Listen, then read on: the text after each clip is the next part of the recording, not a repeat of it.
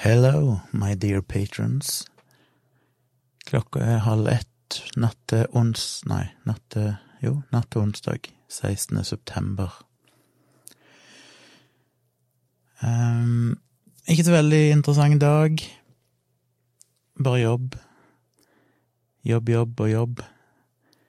Og så Har det skjedd noe mer i dag? Nei. Tror egentlig ikke det. I morgen så reiser jeg Nei, ikke i morgen. På torsdag morgen så reiser jeg til Svalbard. Som sikkert blir hyggelig. Eh, men det er alltid litt sånn når jeg skal reise en plass, at eh, hvis jeg bestiller lang tid i forveien, for denne turen ble vel avtalt i juli en gang, eller før det, juni, juli. Og da er det alltid så fristende, for da er det sånn et stykke fram i tid og tenker å, det blir deilig å reise, og det blir kult. Pluss at jeg vel kanskje hadde en litt sånn optimistisk holdning til korona. At en tenkte at eh, til høsten, da er jo ting annerledes, som er litt rart, egentlig, for jeg har jo ikke vært optimistisk i forhold til det i det hele tatt. Men eh, det føltes bare som det var et stykke unna, og ting var sikkert annerledes. Og det er det jo for så vidt, men det er jo egentlig vel på vei opp igjen med smitte. Og det er jo det at du må bruke munnbind hele tida, det er en lang flytur, så det gruer jeg meg litt til. Og så er det bare litt stress, er vel mer det, at når det nærmer seg, så er det sånn åh, jeg må pakke, hvorfor skal jeg få med meg alt, jeg må pakke varme klær. Tror jeg skal ha med hansker og tjukke sokker og ei varm jakke og genser og stillongs og sånne ting, for jeg tenker hvis jeg skal ut og ta bilder, og sitte litt stille, for eksempel, og vente på La ikke si det blir noe fint nordlys, og jeg sitter der og prøver å ta noen fine bilder, så kan det bli kaldt. Selv om det ikke er meldt sånn superkaldt, men to-tre grader på dagtid, som vil sikkert bety at det blir noen minusgrader på nattestid. Så vi får se. Jeg var såpass sosial eh, i dag at jeg gikk inn på Visit Svalbard sine nettsider, og der er det en oversikt over ting du kan gjøre. Og jeg mener jeg var inne der tidligere, ikke så lenge etter jeg bestilte turen og sjekka, da følte jeg det var ingenting. Uh, vet ikke helt hvorfor, mulig jeg gjorde noe feil. Når jeg var inne nå, så var det plutselig en del ting. Så du kan velge type aktivitet og hvor lenge det skal vare, og uh, vanskelighetsgrad er vel det du kan velge. Og så genererer han ei liste. Så jeg valgte alle typer aktiviteter, for jeg giddet det var så utrolig mange valg, og det var ikke noe vits å begrense det. Og så valgte jeg noe som må vare mindre enn en dag, eller mindre enn en halv dag, for jeg har ikke tenkt på noen lang utflukt, men en sånn et eller annet som varer noen timer. Og så eh, valgte jeg alle vanskelighetsgrader, for jeg vet ikke hva det innebærer. Eh, jeg tenkte jeg ville bare se hvilke muligheter som fantes. Så kom, det, kom det opp ei liste med ting. Så klikka jeg meg inn på de som virka noenlunde aktuelle. Det var en del ting som var sånn, hundesledekjøring eller hundekjøring og scootertur og litt sånne ting, det er ikke det jeg har mest lyst til. Og så var det andre ting som var besøk på et eller annet gård der de driver med et eller annet produksjon av noen lokale greier, som inkluderer en middag, et eller annet, og noe sånt, og det er jo sånn, eh, det, det kan være mer koselig hvis du er to, men jeg er aleine, så vet jeg ikke om så lyst til å gjøre det. Men det var to ting som virka aktuelle. Den ene var en rett og slett en liten sightseeing eh, som varer i et par timer, med en eller annen lokal taxibyrå, som sikkert er en sånn liten maxitaxi eller en minibuss, som du kan melde deg på. Så jeg booka en tur med det på lørdagen, for lørdagen er jeg hele dagen tom. Og det begynner klokka fire på ettermiddagen, så jeg får fire til seks, og da kjører de litt rundt, og det sto liksom at det vil bli Eh, mulighetsstopp og sånn, og mulighet for å ta bilder. Nå tenker de kanskje ikke på den type bilder som jeg ønsker å ta, som egentlig trenger litt mer tid. Men eh, det er en anledning til å dra med seg kamera og prøve å ta litt bilder hvis det skulle være noe. Og det er jo iallfall en mulighet til å komme seg litt rundt, og ikke bare liksom henge midt i byen. Eh, komme seg rundt på en litt tryggere måte. Så det virka jo greit. Det kosta bare 300-400 kroner, så det var greit nok. Og så gikk jeg inn, og så var det noe som het for Fjord Cruise, et eller annet, der de har en sånn elektrisk katamaran som kjører rundt der på fjorden, så du kan se naturen og nyte ting i det som er helt stille, for det er ikke noe lyd, det er ikke noe motorlyd i den båten. Så jeg gikk inn og så, og da har de sånn alle sånne greiene var likt, at du klikker deg inn på aktiviteten, og så får du opp ei lang liste med alle datoer, og så kan du velge å bestille på den datoen du vil ha. Så jeg fant det neste lørdag i september, gikk inn og bestilte, og jeg måtte fylle inn masse greier. Det gjorde jeg på den der taxigreia òg, men det hadde jeg gjort én gang, så gjorde jeg det samme en gang til. Du må inn med liksom navn og adresse og full pakke. Og så går du videre til betaling, og da må du inn med alt på nytt. Og så betalte jeg, og så fikk jeg kvitteringen på mail etter ei stund. Og så plutselig stussa jeg litt på at det sto lørdag 18. september. Så tenkte jeg 18. er ikke lørdag 19. Jeg har valgt fredagen. Så måtte jeg inn på den oversikten igjen og se, og så så jeg at det sto 2021. Så alle datoene jeg hadde lista opp, var 2021. Og det er jo fort gjort å overse, for en tenker jo at når du går inn og velger har fått filtrert ut de aktivitetene som er aktuelle, så regner en jo med at det er noe som skjer nå. Men nei da, det var noe som skjedde fra mai til oktober neste år, eller noe sånt. Så da hadde jeg bestilt og betalt, så jeg sendte jo en mail med en gang og sa hei, kan jeg kansellere denne? Bestilte feil år. Ikke fått noe svar ennå, så jeg håper jeg får et svar i morgen, eller så må jeg dobbeltsjekke og purre på de, for jeg vil gjerne ha tilbake, det koster jo en tusenlapp eller sånn, for det var en tur som var inkludert noe sånn mat og sånn på båten. Så Men anyway, iallfall booka inn ting, det er en liten, en liten sightseeing. De hadde òg noe sånn sightseeing der du bare går, eh, sånn to og en halv times gåtur rundt i Longyearbyen som sikkert òg kunne vært greit, men jeg vet ikke hvor mye jeg får ut av det rent sånn fotomessig sammenlignet med å bare gå og kikke sjøl. Hvis jeg skal gå sammen med noen, så må jeg på en måte følge tidsskjemaet deres. Uh, og jeg er jo ikke der for nødvendigvis få masse informasjon om stedet. Jeg vil bare rundt og se og ha tid til å sette meg ned og ta bilder hvis jeg vil det. Så det har jeg gjort i dag.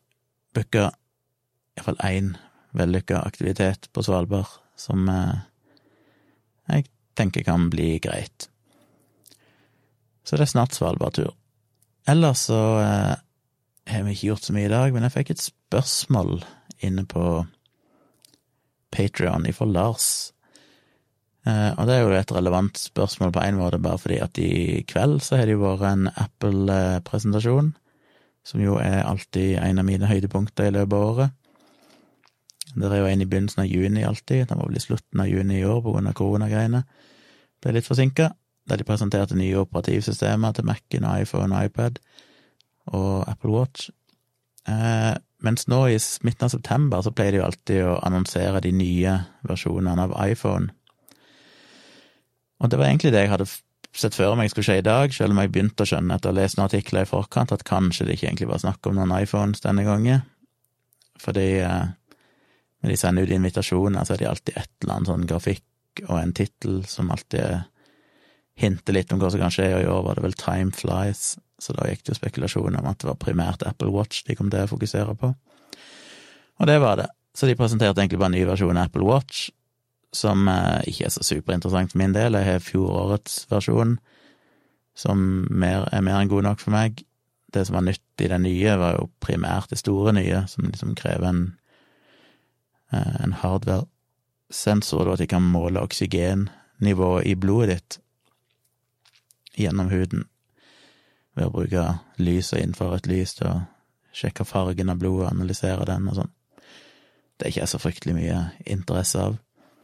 Kjekt å ha, men ikke verdt å betale for helt nye klokker. Så hadde de sånne små andre ting. Men det var egentlig litt letta. Sånn, jeg trenger jo ikke nye klokker, men hvis de kommer med en sånn killer feature så er jeg en sånn person som fort ender opp med å kjøpe. Så det blir ikke noen nye klokker på meg i år. Eh, og så presenterte de noen oppgraderte iPader og sånn, men det er heller jeg har en god iPad Pro fra før, som er mer enn god nok for mitt behov, som er snart et par år gammel. Men den duger lenge, ikke så ofte jeg bruker den. Så det var ing ingenting i kveld, egentlig, som var spesielt interessant. Men det betyr vel, uten at de har sagt det offisielt, at det nødvendigvis må komme en ny event, sannsynligvis i uh, begynnelsen eller midten av oktober, eller noe sånt, som er litt seinere enn vanlig, men det har jo vært ganske sterke signaler om at iPhonene sannsynligvis ble litt forsinka, kanskje en måned forsinka, på grunn av korona og produksjonsproblemer knytta til det. Så da har jeg én ting til å se fram til, neste Apple-event, som blir litt mer relevant. Og jeg håper jo strengt at ikke de har noe spesielt nytt på telefonfronten heller, for at, uh, den telefonen jeg har, er fjorårets modell, og den er jo mer enn god nok. Men uh, de har jo en tendens til å komme med en eller annen sånn killer feature som jeg alltid tenker at å, oh, shit, livet mitt vil bli så mye bedre hvis jeg bare har den. På en av de nye iPadene så hadde de jo bygd inn touch ID på power-knappen, sånn som en del Android-telefoner allerede har. Apple hadde jo touch ID på den runde knappen nede, og så fjerna de jo den til fordel for uh, Face ID, som jeg liker veldig godt. Men akkurat nå i disse koronatidene, når du bruker ansiktsmaske, så er det litt slitsomt, og det er jo spesielt slitsomt når jeg skal sitte på fly i um, fire-fem timer, for jeg har et langt passord, og det å skrive inn det passordet manuelt hver gang er jækla slitsomt. Det er nesten fristende å bytte passord til liksom sånn firesifra pin, bare for turen sin skyld. Eh, på den annen side så vet jeg ikke hvor mye jeg kommer til å bruke telefonen, for jeg tenker jeg kommer nok til å laste ned en shitload med YouTube-episoder, eh, holdt jeg på å si, hva kalles det, YouTube-videoer på iPaden, sånn at jeg har noen timer med YouTube jeg kan se på offline, for jeg betaler for sånn YouTube premium, og da kan du laste ned videoene og se de offline. Plutselig har jeg podkast, og kommer, jeg er jo en som når jeg reiser på sånne turer, så laster jeg jo ned innhold som er nok til å kunne dekke sikkert fem turer. Så jeg må alltid helgardere meg, sånn i tilfelle jeg ikke får lyst til å se på det, så må jeg jo ha noen Netflix-serier, og så må jeg ha litt av ditten og litt av datten. Så jeg kommer nok til å ha nok underholdning.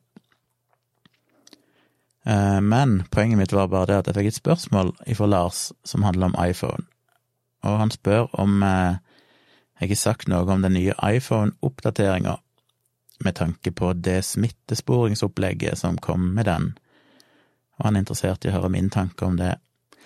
Nei, jeg har vel ikke sagt noe om det, anten at når jeg tilbake i var det, begynnelsen av april lagde en videoserie på YouTube-kanalen min der jeg tok for meg den Smittestopp-appen som da akkurat var lansert, og var ganske kritisk til den med tanke på personvern og litt sånne ting som vel viste seg å være riktig, fordi Datatilsynet kom jo i juni og la ned forbud mot å ha appen fordi han rett og slett ikke tok vare nok på personvernet. Så det var jo sånn sett eh, korrekt. Men allerede da nevnte jeg jo at Apple og Google drev og samarbeida om et nytt eh, smittesporingsopplegg som skulle bygges rett inn i telefonen, uavhengig på en måte av noen app. Det vil si, ja, det er faktisk uavhengig av en app nå. Eh, det fins i eh, De kom jo allerede med en oppdatering i mai, vel, som alle har fått. Som hører altså bare en sånn punktoppdatering til den versjonen som finnes nå. Som aktiverte den koronasporinga, men den versjonen krevde at du har en godkjent app. Og den appen kan altså kun være den appen som myndighetene i landet ditt har valgt ut, så i Norge vil det da for eksempel være en smittesporingsapp fra Folkehelseinstituttet eller Helsedirektoratet som da på en måte må søkes om å få godkjenning fra Apple, og når den da på en måte er en offisielt godkjent appen, så kan den bruke den funksjonaliteten, det API-et, i operativsystemet. Eh, så det krevde at du installerte en app. Og så har de kommet med en ny versjon nå i eh, august, eller var det tidlig september? Det er ikke lenge siden, iallfall. Slutten av august, eller noe sånt. Så kom de med en ny, men den vet jeg ikke om er kommet ut, om det er bare en beta foreløpig men den, ja, jeg er ikke helt sikker. Men den er gått et hakk videre, som sier at du trenger ikke lenger installere en app for å bruke det smittesporingsopplegget, men myndighetene i landet ditt må likevel ha godkjent den bruken. Så hvis du har en eh, iPhone med norsk SIM-kort i Norge, så får du ikke skrudd på den funksjonaliteten. Han ligger der inne i innstillinga. Hvis du går inn på innstillinger og så bare drar ned så du får ned oppsøkefeltet øverst i innstillinga, og søker på covid, så finner du det. Det ligger vel under privacy og health og noe sånt greier hvis du går inn manuelt. Der kan du da aktivere den innebygde smittesporinga, men du får ikke skrudd den på i Norge fordi myndighetene ikke godkjent det ennå. Så hva syns jeg om det? Jeg syns det er bra. Jeg er jo positiv til en smittesporingsapp. Jeg er ikke veldig Jeg er ikke veldig mye tro på at det har så fryktelig mye for seg men det skader ikke når det er gjort riktig, og litt kan det hjelpe. Så, kanskje bare litt av kuriositet, jeg er jo litt nysgjerrig av og til når jeg har tatt en togtur eller et eller annet sånn, har jeg vært i nærheten, var det noen her som hadde som var positiv koronatest? Så det hadde jo vært gøy, bare sånn for moro skyld. Eh, og den, eh, for de som ikke satte seg inn i det, har ikke satt meg dypt inn i det, jeg heller, på lenge, men eh, greia er bare det at den smittesporingsappen som norske myndigheter kom med, den hadde jo noen problemer, blant annet at han brukte både Bluetooth eh, til altså å kunne detektere når det var andre telefoner i nærheten med appen installert, så kan de utveksle informasjon. Og Bluetooth er ikke så lang rekkevidde, det er vel sånn ti meter eller sånn. Så da kan de utveksle informasjon og si hei, her er jeg, og så logger den andre telefonen det. Og så hvis da den andre personen, eller meg, noen dager seinere blir syk og testes positiv for eh, korona, så kan da helsemyndighetene legge det inn i systemet sitt, sånn at den appen da, eller alle som har den ID-en din, får da beskjed om at det var en person som har en eller annen anonym ID, som er smittet med korona, og han, var du, han eller hun var du i nærheten av på det, det tidspunktet. Så eh, det er jo konseptet. Smittestopp-appen gikk jo et steg lenger, for de mente at Bluetooth var ikke godt nok. Og grunnen til at det ikke var godt nok, er to ting. Det ene er vel rett og slett litt sånn med presisjon og sånn. Jeg kan nøyaktig anspore, eller kan finne andre enheter Så mye var knytta til at spesielt iPhonen er jo veldig sikkerhetsbasert, så den har veldig mye sperre mot at apper skal bruke Bluetooth sånn ukritisk. Eh, så du må for det første godkjenne det for hver app som ønsker å bruke Bluetooth, må du si ja, det er greit. I tillegg så skrur han av Bluetooth hvis ikke appen er aktiv. Så det forutsatte egentlig at Smittestopp-appen måtte være på en måte loada aktiv til enhver tid. Hvis du telefonen gikk i dvalemodus, eller du drev på med en annen app over lengre tid, så vil bare den Bluetooth-sporinga stoppe, for det, Apple vil ikke at det skal være apper i bakgrunnen som driver og bruker Bluetooth for å spore ting, som er en veldig god ting. På Android-mobiler så har de ikke den type sikkerhet, så der var det et mindre problem, men fordi såpass mange har iPhone, så fant de ut at i tillegg til Bluetooth så må man ha en annen måte å spore folk på, så da valgte de å bruke GPS-data. Så da logga Smittestopp-appen, mulig jeg kalte den smittesporing, men Smittestopp-appen, den logger da i tillegg til Bluetooth, og brukte den òg GPS-data. Og for å kunne vite det at du logger GPS-data i seg sjøl, er jo ikke nok til at du vet om du har vært i nærheten. Så det må da lagres et eller annet sted, og så må man da kjøre analyser på det som sier sjekke alle enhetene, og så finne ut at om de har vært i nærheten av hverandre over en viss tidsperiode og kan da sende en varsling og si at hei, du har vært i nærheten av en person med korona. Eh, så det var det ene problemet, egentlig, at han brukte den GPS-dataen og lagra det sentralt. Alle dataene ble jo sendt til en server hvert 20. minutt eller noe sånt. Den serveren var en Microsoft-server i Irland. Tanken var at de skulle flytte det til Norge etter hvert, men så langt kom de aldri. Eh, så det ble laga store mengder sentralisert, eh, data sentralisert i samme database, på en måte. Og det er jo en risiko, for hvis noen får tilgang til de dataene, så har de da tilgang på en stor del av Norges befolkning, inklusiv folk som kan være i utsatte posisjoner. Alt ifra en kvinne som har gjemt seg for sin voldelige ektemann, til eh, myndighetspersoner som folk med ugreie hensikter helst ikke bør kunne vite hvor er til enhver tid, til bare det meg og deg gjør i hverdagen. Kanskje du eh, besøker en eh, gay bar og ikke egentlig ønsker at folk skal vite at du er homofil. Hva heter det? Homse? Homofil? Homo? Går alltid surr om hva som er det rette å si. Homofil. Jeg tror det var noe sånn med at jeg oppfatter homse som et skjellsord. Så følte jeg at jeg hørte en gang at homse, det var noe som de homofile sjøl likte å bruke, men det blir kanskje litt som med det fæle N-ordet som eh, du kan bruke hvis du er svart, men ikke andre. Jeg vet ikke. Homo blir jo brukt som et skjellsord, så jeg vet ikke om det er heller akseptert. Hva er så akseptert? Er det bare å si homofil? Det høres så sterilt ut. Anyway, det kan være mange årsaker til at du ikke vil at folk skal vite hvor du er til enhver tid. Så det var problematisk. Og ja, jeg prøver å grave i minnet mitt hva som var problematisk Problemet var jo ikke bare at de lagrer alle de dataene, det kan teknisk sett være ok å lagre dataen hvis risikoen, eller hvis nytten av det er stor nok. Eh, men det var to problemer med det. Det ene var jo at det var ikke nok smittetrykk i Norge til at du kunne egentlig forsvare og utsette alle for den personvernsrisikoen. Men ikke minst så samla de jo inn data i lang tid uten at de ennå hadde funnet ut hvordan de skulle analysere dataen. Så eh, de dataene vil jo bli brukt både til å finne ut om du hadde vært i nærheten av noen, men òg brukes til å på en måte eh, sjekke bevegelsesmønsteret til den norske befolkning, for å sjekke hvilke ting som ja, utløser risiko, utløser smitteutbrudd, hvordan folk reagerer på myndighetene sine anbefalinger, alt mulig sånn. Så det skal brukes til forskning. Så den norske Smittestopp-appen hadde jo to hensikter. Det var både smittesporing personlig, og så var det òg til forskningsformål. Um, men de hadde jo disse dataene lenge uten at de ble brukt, de ble bare samla inn, men de hadde ennå ikke funnet ut verken hvordan de skulle analysere de, ei heller hvordan de skulle anonymisere de tilstrekkelig. Fordi selv om det ble hevda at det var anonymiserte data, så var det jo to problemer. Det ene var jo at det ble vel fiksa i en senere versjon etter noen uker, men i de første versjonene av Smittestopp-appen iallfall, så Eller har de fiksa det? Jeg tror de har fiksa det. Eh, så fikk jo hver app eller mobil fikk jo en ID som sånn sett er anonym i den forstand at den inneholder ikke noe navn og personinformasjon, det er på en måte bare et random tall, for å si det sånn, eh, som blir lagra. Så hvis noen hacker den databasen med alle dataene, så finner de bare masse ID-er uten at du vet hvem det tilhører.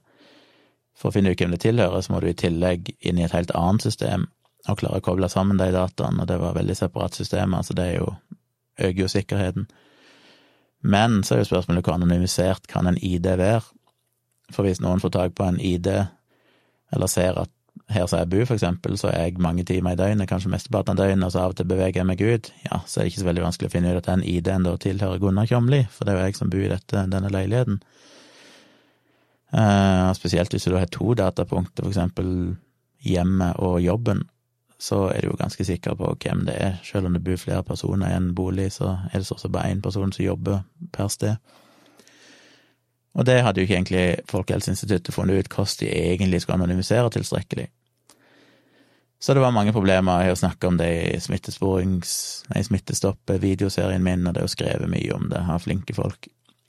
Jeg signerte jo, ble jo spurt av en gjeng med IT-eksperter om å signere et sånt opprop tilbake i det var det, mai-juni, eh, som ble publisert, eh, der jeg ble spurt om å signere fordi folk eh, tydeligvis likte de videoene jeg hadde lagd, og syntes jeg hadde gode poenger der. Så den appen ble kansellert.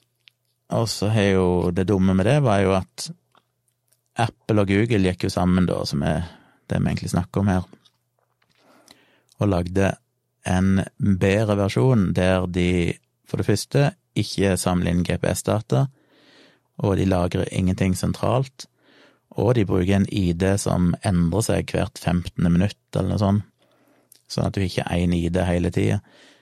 Et problem som fort kom fram, var eksempel at hvis du var i nærheten av, eh, la oss si, Erna Solberg, så kunne du gå inn i dataen i den Smittestopp-appen etterpå og klare å resonnere deg fram kanskje til hvilken ID da som den har logga, som må ha tilhørt Erna Solberg fordi du sto i nærheten av henne når hun holdt en tale i ti minutter, for eksempel.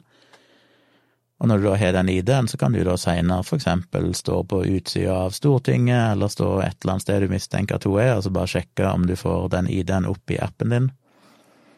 Eh, hvis du gjør det, så vet du at Erna Solberg kanskje er på andre sida av veggen, som jo kan misbrukes til forskjellige ting. For eksempel hvis du vil sprenge ei bombe, så kan du finne ut hvor folk er uten at du trenger å se de visuelt og sånne ting. Så det er en del problemer med å ha en sånn fast ID så det Apple-Google-opplegget var jo basert på at én, de har randomiserte ID-er som endrer seg hele tida, eh, og to, de har dataen lokalt. Så all prosessering skjer internt i telefonen. Så hvis du hadde brukt det systemet som Apple og Google lagde, så vil det fortsatt fungere på en viss måte som Smittestopp-appen, med at han eh, sjekker hvem som er i nærheten av deg. Ja, en annen ting selvfølgelig var at med den nye funksjonaliteten til Apple og Google, så vil du òg kunne ha Bluetooth gående i bakgrunnen hele tida, eh, som er ganske viktig.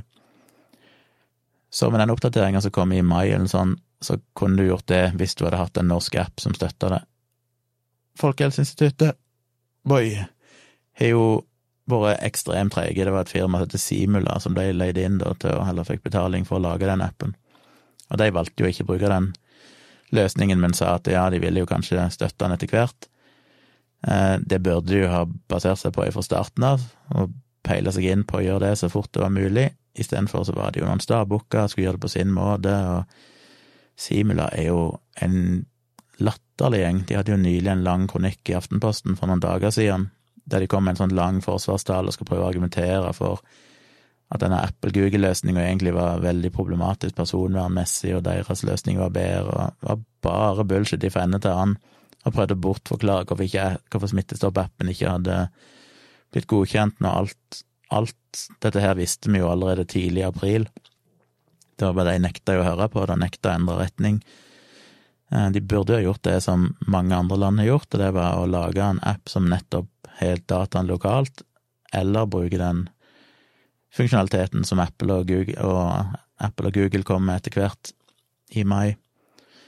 Og det er det en del land som har gjort, har hatt midtstopp-apper som ivaretar personvern og allikevel kan drive smittesporing, sånn som det burde vært gjort. Og det har vi ikke i Norge, for det er de rasshølene som lagde den appen, kjørte sitt eget løp og ikke ville høre på noen faktiske eksperter innenfor IT som, som jo påpekte hvordan dette her burde vært løst. Så det er problematisk at det ikke er blitt gjort. Men uh, iPhone versjon, eller Apple sin versjon, mener jeg er bra. Den ivaretar personvern, den ivaretar anonymitet, uh, gjør alt på telefonen. Og det er jo det jeg liker så godt med iPhone og Apple, at de har jo tatt personvern på alvor veldig lenge. Jeg skjønner nesten ikke at folk som bryr seg om personvern, vil bruke en Android-telefon. Android-telefoner kan være fantastiske og er fullt på høyde med en iPhone. Um, kanskje bedre på mange ting, alt etter hva du vektlegger. Eller utvilsomt bedre på noen ting, avhengig av hva du vektlegger. For meg så er iPhone eh, en telefon jeg liker, fordi at jeg setter veldig pris på den personverndelen. En har jo sett saker fra USA der det har vært terrorangrep, og så klarer ikke FBI og sånn å komme seg inn i telefonen engang hvis han er kryptert, og Apple nekter å hjelpe de. Eh, nå har de vel kommet inn til slutt ved hjelp av et sånn israelsk firma som har funnet en eller annen måte å brute force seg inn i uh, krypteringa. Uh, Iallfall på tidligere versjoner, men Apple prøver vel hele tida å tette sånne muligheter. Men det er vanskelig. Det er ikke noe som en vanlig person kan gjøre, for å si det mildt. Du skal ganske høyt opp i systemet og ha en del ressurser for å klare å dekryptere, eller få innholdet ut av en kryptert telefon. Så det er det ene. Eh, og den sikkerheten vet jeg ikke hva se på Android-enheter nå. Det er mulig det er blitt bedre helt nylig, men det skal ikke veldig lang tid tilbake igjen før Android lå langt bak når det gjaldt kryptering. Det var noe du måtte på en måte aktivere sjøl lenge. Det var ikke noe som var standardinnstilling, du måtte sjøl velge å kryptere innholdet. Så det var ikke noe bra. Og det andre er jo personvern. Eh, dette her med at ting skjer on device, det er jo Apple veldig nøye med. Alt som skjer. Enten det er helsedata som blir lagra i iCloud, eller det er bilder, eller det er Siri, den her eh, ekstremt dumme kunstig intelligensen til Apple. Og en av grunnene til at den kunstig intelligensen er dårligere enn Google sin, sin versjon, er jo blant annet at hvis du kunne ha sendt alt til en server som hadde full tilgang på alle dine data til enhver tid, så kan jo den kunstige intelligensen òg gjøre en bedre jobb. Mens i, på iPhone så er det veldig mye som skjer på bare telefonen, uten at det blir sendt over internett til en server som kan drive og analysere alt. Jeg husker ikke helt hvordan det er med, med Siri, om den sender noe anonymiserte data til serveren men eh, primært så blir det meste gjort enten bare på devicen. Det gjelder jo til og med en ting sånn som Apple TV. Um, de kom jo med en sånn TV-app for uh, en stund siden, som du kan se masse forskjellige ting på, for den kobler seg sammen med HBO og Dplay og mange forskjellige tjenester, Amazon, så du kan på en måte ha én sentral app der du finner serier og sånn, filmer fra alle slags forskjellige tjenester. Men den nekter jo å sende informasjon til servere eller annonsører eller HBO og Amazon og sånn sjøl om hvilke serier du ser. Um, Så når den skal finne ut og komme med anbefalinger om hvilken serie du bør se, så skjer det på Apple TV-en. Det er ikke noe som blir lagra sentralt et sted. Og det gjør jo at en del sånne aktører ikke er så veldig glad, for de liker jo å sope inn mest mulig informasjon om deg. Og det er vel òg en av de viktige grunnene til at Netflix ikke er støtta i den TV-appen, fordi Netflix vil ha masse informasjon om deg. Og når Apple sier at nei, folk som bruker TV-appen, de skal ha personvernet sikra, hva de ser på, er det bare de som skal ha noe med å gjøre, det er ikke noen leverandør eller annonsør eller tjenester på internett som skal få de dataene. Så det føles veldig bra at eh, når du bruker Apple-enheter, så vet du ingenting er perfekt, men de har iallfall gått veldig langt i å prøve å holde ting på devicen, og hvis noe skal vekk ifra iPhonen og opp i clouden, så blir det alltid anonymisert før det skjer. Så det er bra. Så derfor hadde jeg så Derfor stoler jeg på den uh, smittesporingsfunksjonaliteten som de har bygd inn der. Og nå gjenstår det jo egentlig bare for norske myndigheter å enten lage en ny app som baserer seg på det API-et, eller, sånn som jeg skjønner den siste oppdateringa, egentlig bare på en eller annen måte godkjenne bruken av det, for det ser jo ikke ut til at det egentlig kreves noen egen app lenger. Selv om en app kan være kjekt å ha, for du kan jo gi en del tilleggsfunksjonalitet, visualisere ting bedre og sånne ting. Så ja, jeg er positiv eh, til det. Nå har det vel kommet fram at eh, selv om Apple eh, håndterer personvern bra, så har jo Google sin implementasjon av den smittesporingsgreia har vel vist seg Det har ikke satt meg inn jeg har liksom bare perifert registrert et eller annet om det på Twitter, men jeg mener at noen har sagt nå at de har funnet ut at den driver og sender data til Google, som jo er Google i et nøtteskall. De eh, bryr seg ikke så mye om personvernet, så de har bygd inn smittesporingsfunksjonalitet i Android, men de driver fortsatt og samler et eller annet data. Og nå kom det vel fram, jeg så noen screenshots som ble delt i dag på Twitter, der folk driver og graver i smittesporingsgreiene og sånn, mener jeg at de hadde funnet ut at den òg faktisk drev og sendte noe greier til Google, viste det seg nå.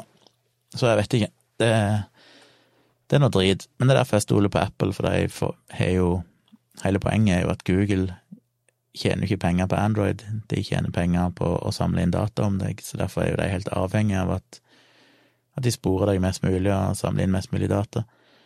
Apple tjener derimot penger på å selge devicene. Det er jo enhetene de tjener penger på, de har ingen interesse av å samle inn masse data om deg. Så der kan du føle deg mer trygg. Og så er det jo sikkert folk som vil si at ja, stoler du på det, du blir sikkert bare lurt. Vel, å analysere dataen som går ut av en mobiltelefon, er fullt mulig å gjøre. Og der er folk som er private som kjører sånne analyser og hvis det hadde blitt oppdaga at en Apple-telefon lakk data eh, på den måten, så vil det bli offentliggjort umiddelbart. Og det har jo kommet fram at en del apper, som ikke Apple sjøl står bak, samler inn mer data enn de egentlig burde.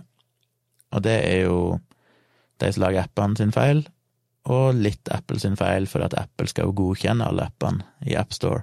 De skal jo egentlig oppdage sånne ting. Eh, men det er måter å kamuflere det på som det ikke alltid er like godt å oppdage. Jeg leste nylig en sak nå der det viser seg at en shitload med apper brukte en eller annen sånn felles eh, modul som visstnok hadde vist seg å samle inn masse data og selge til annonsører, som Apple teknisk sett burde ha oppdaga, og da ikke godkjent appen, men de hadde klart å kamuflere det på en sånn måte og bygd inn sånn at den funksjonaliteten var ikke aktiv i det hele tatt før på et eller annet visst tidspunkt, og dermed så klarte de ikke finne det når de testa appene og sånn hos Apple før de godkjenner de for AppStore. Så tredjepartsapper kan jo fortsatt gjøre ugreie ting, men selve operativsystemet til Apple, hvis noen hadde funnet ut at det drev og sendte ut eh, data som de sier de ikke gjør, så ville det blitt oppdaga veldig fort, og det har ikke skjedd så langt.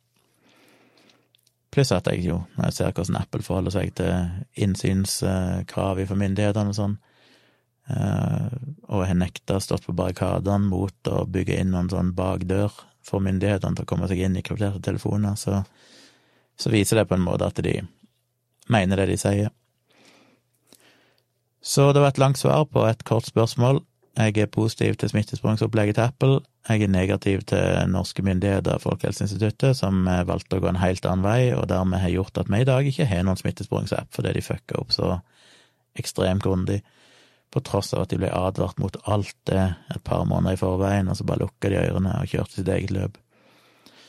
Hadde de lytta og endra kurs tidlig, så hadde vi i dag hatt en smittesporingsapp som hadde fungert med det API-et til Apple og Google, som da kanskje hadde vært nyttig på en eller annen måte, selv om jeg som sagt ikke har fryktelig mye tro på at det vil ha mye for seg. De har jo apper i andre land, og en del av de folkene som er veldig engasjert i dette, som jeg følger på Twitter, de driver og ser på data derifra, og det er ikke mange tilfeller de appene har funnet i Danmark, og jeg tror, jeg, jeg tror Danmark er en sånn app og, som er offentliggjort av data. Så veldig mye funksjon ser de ikke ut til å ha. Eh, de finner et eller annet, et og annet sånn eh, tilfelle, men veldig stor betydning er det ikke. Så hvis Norge etter hvert kommer med en ny app, som de vel ikke har helt tydelige på om de gjør, men det, det, er jo muligheter for det. Så er det vel sannsynligvis to ting som skjer. Enten så kjører de sitt eget løp og bare lager den mer sikker uten noe sentral lagring, eller iallfall ikke med GPS. Eller så baserer de seg på det API-et til Apple, som jo selvfølgelig vil være den beste løsningen. Det vil jo spare de for mye arbeid og føles mye tryggere. Pluss at de vil da mest sannsynlig dele appen i to så når du godkjenner brukeren, så godkjenner du bare for eksempel smittesporing, og ikke forskningsdelen, altså at ikke at data blir samlet inn til forskning. Men det vil kanskje være mulig å godkjenne det, ellers blir det lansert som en helt separat app, sånn at du på en måte aktivt må godkjenne at ok, jeg tillater at de samler inn GPS-data og lagrer på en eller annen server. Men skal de gjøre det og få det godkjent av Datatilsynet, så må de jo først ha funnet ut hvordan de skal anonymisere det skikkelig, og ha alt av analyser klar, så de faktisk kan bruke dataen. Det er ikke de bare samler det inn fordi det er kjekt å ha, for det er jo direkte i strid mot GDPR og sånne ting. Du skal kunne argumentere godt for at du trenger data hvis du lager de. Du kan ikke bare ha de for moro skyld, i tilfelle du trenger de i framtida en gang. Så det er en del som må på plass, men eh, jeg håper jo det kommer, for vi burde jo, det er jo flaut at et land som Norge, som jo Den Smittestopp-appen ble jo rangert som den verste i verden av Amnesty når de gikk gjennom og så på personvern og sånn. Og det er ganske flaut at vi, med alle de ressursene vi har, ikke klarer å lage Eller når vi først lager en app, så er den så dårlig at den blir forbudt og blir rangert som den verste i verden på personvern. Eh, når det er mange, mange andre land som er klart til å lage apper som ikke alle er like gode med tanke på personvern, men noen er klart til å lage noen som visstnok er veldig gode på personvern. Andre er mindre gode, men allikevel ikke så ille som den norske Smittestopp-appen. Så den eh, oppdateringa er jo her. Vi trenger bare myndigheter som tar den i bruk. Så det får vi jo se om det skjer. Det hvor lenge jeg snakka nå? Det ble en lang prat om det. Oi, jeg snakka over en halvtime. Jeez. Eh, ja, men da får jeg vel runde av. Det blir en siste podkast i morgen, tror jeg, hvis ikke jeg blir for stressa med pakking og alt mulig og tenker shit, får jeg må opp veldig tidlig. Men i teorien så kan det bli en podkast i morgen, altså torsdag kveld. Så reiser jeg til Svalbard, og da er, kommer jeg hjem ganske seint på søndag kvelden, så jeg får se om jeg rekker en podkast på søndag kveld. Det blir ikke noe samboerprat på søndag. Eh, men det blir noen dager til neste gang. Så i mellomtida Ja, det kan jeg si i morgen, men hvis ikke dere hører meg i morgen, så får jeg si at i mellomtida får dere oppføre dere. Og ikke slutte å støtte meg på Patron. I need you, people. Eh, takk for spørsmålet til Lars. Send gjerne inn eh, flere spørsmål hvis dere har, enten om helt andre ting, eller oppfølgingsspørsmål til det jeg snakket om her. Håper dere sjekker ut Eksperten, Folkeopplysningen sin episode som kom her på mandag, som jeg syns var veldig bra. Håper dere sjekker ut bryllupsbildene mine, som jeg syns ble fine. Og så hadde jeg egentlig håpet jeg skulle rekke å redigere noen modellbilder, det spørs jo om jeg rekker det i det hele tatt. Jeg jobber såpass mye i det siste at hvis ikke det skjer noe store fremskritt på jobben med det jeg driver og jobber med eh, i morgen, jeg trenger noen svar og litt input fra andre kilder, så er det mulig at jeg egentlig kortere arbeidsdag i morgen, heller redigerer litt bilder, men får se. Hvis ikke, så får det bli neste uke at jeg redigerer bilder. Eh, men takk for at dere hørte på, takk for at dere støtter meg, og så høres vi igjen eh, sannsynligvis i morgen.